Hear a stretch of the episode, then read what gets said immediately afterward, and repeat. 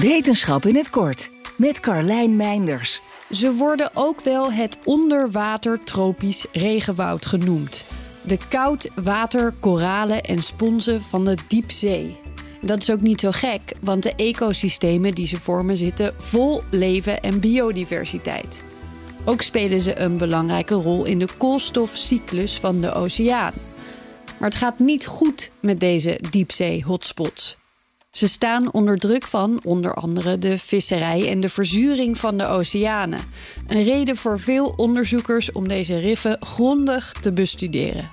Evert de Vroe van het Koninklijk Nederlands Instituut voor Onderzoek ter Zee is daar één van.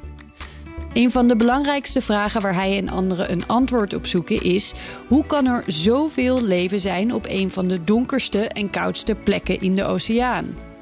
Er waren twee tochten met een onderzoeksschip naar een gebied ten noordwesten van Ierland voor nodig om erachter te komen.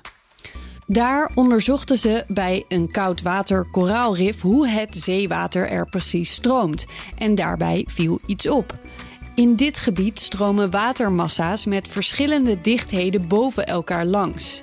Daardoor ontstaan onderwatergolven die soms 200 tot 300 meter hoog kunnen zijn.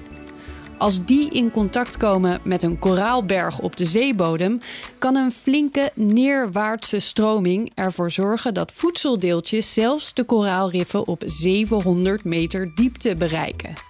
Ze namen ook een kwart vierkante meter koraal mee met water, leven en al in een speciale afgesloten box. Door de aanwezigheid van inorganische stikstof als nitraat en ammonium te meten, konden ze voor het eerst de stofwisseling van het koraal vaststellen. Ze zagen onder andere dat een koraalrif gemiddeld vijf keer zoveel koolstof omzet als een gebied met alleen maar zand. En daar is voedsel voor nodig. Veel voedsel. Kan met deze metingen misschien ook voorspeld worden waar andere diepzeeriffen zich verstoppen, zodat we ze beter kunnen beschermen? Met een simulatiemodel van het voedseltransport boven het diepzeerif denkt de Vroe daar nu een belangrijke aanzet voor te hebben gemaakt. Wil je elke dag een wetenschapsnieuwtje? Abonneer je dan op Wetenschap vandaag. Spotify is partner van Wetenschap vandaag. Luister Wetenschap vandaag terug in al je favoriete podcast-apps. Ook Diana Matroos vind je in de BNR-app. Ja, inderdaad. Je kunt live naar mij luisteren tijdens de Big Five. Ook handig in de BNR-app. Breaking nieuwsmeldingen, maar ook het allerlaatste zakelijke nieuws. En je vindt in de app alle BNR-podcasts, waaronder Wetenschap Vandaag. Download nu de gratis BNR-app en blijf scherp.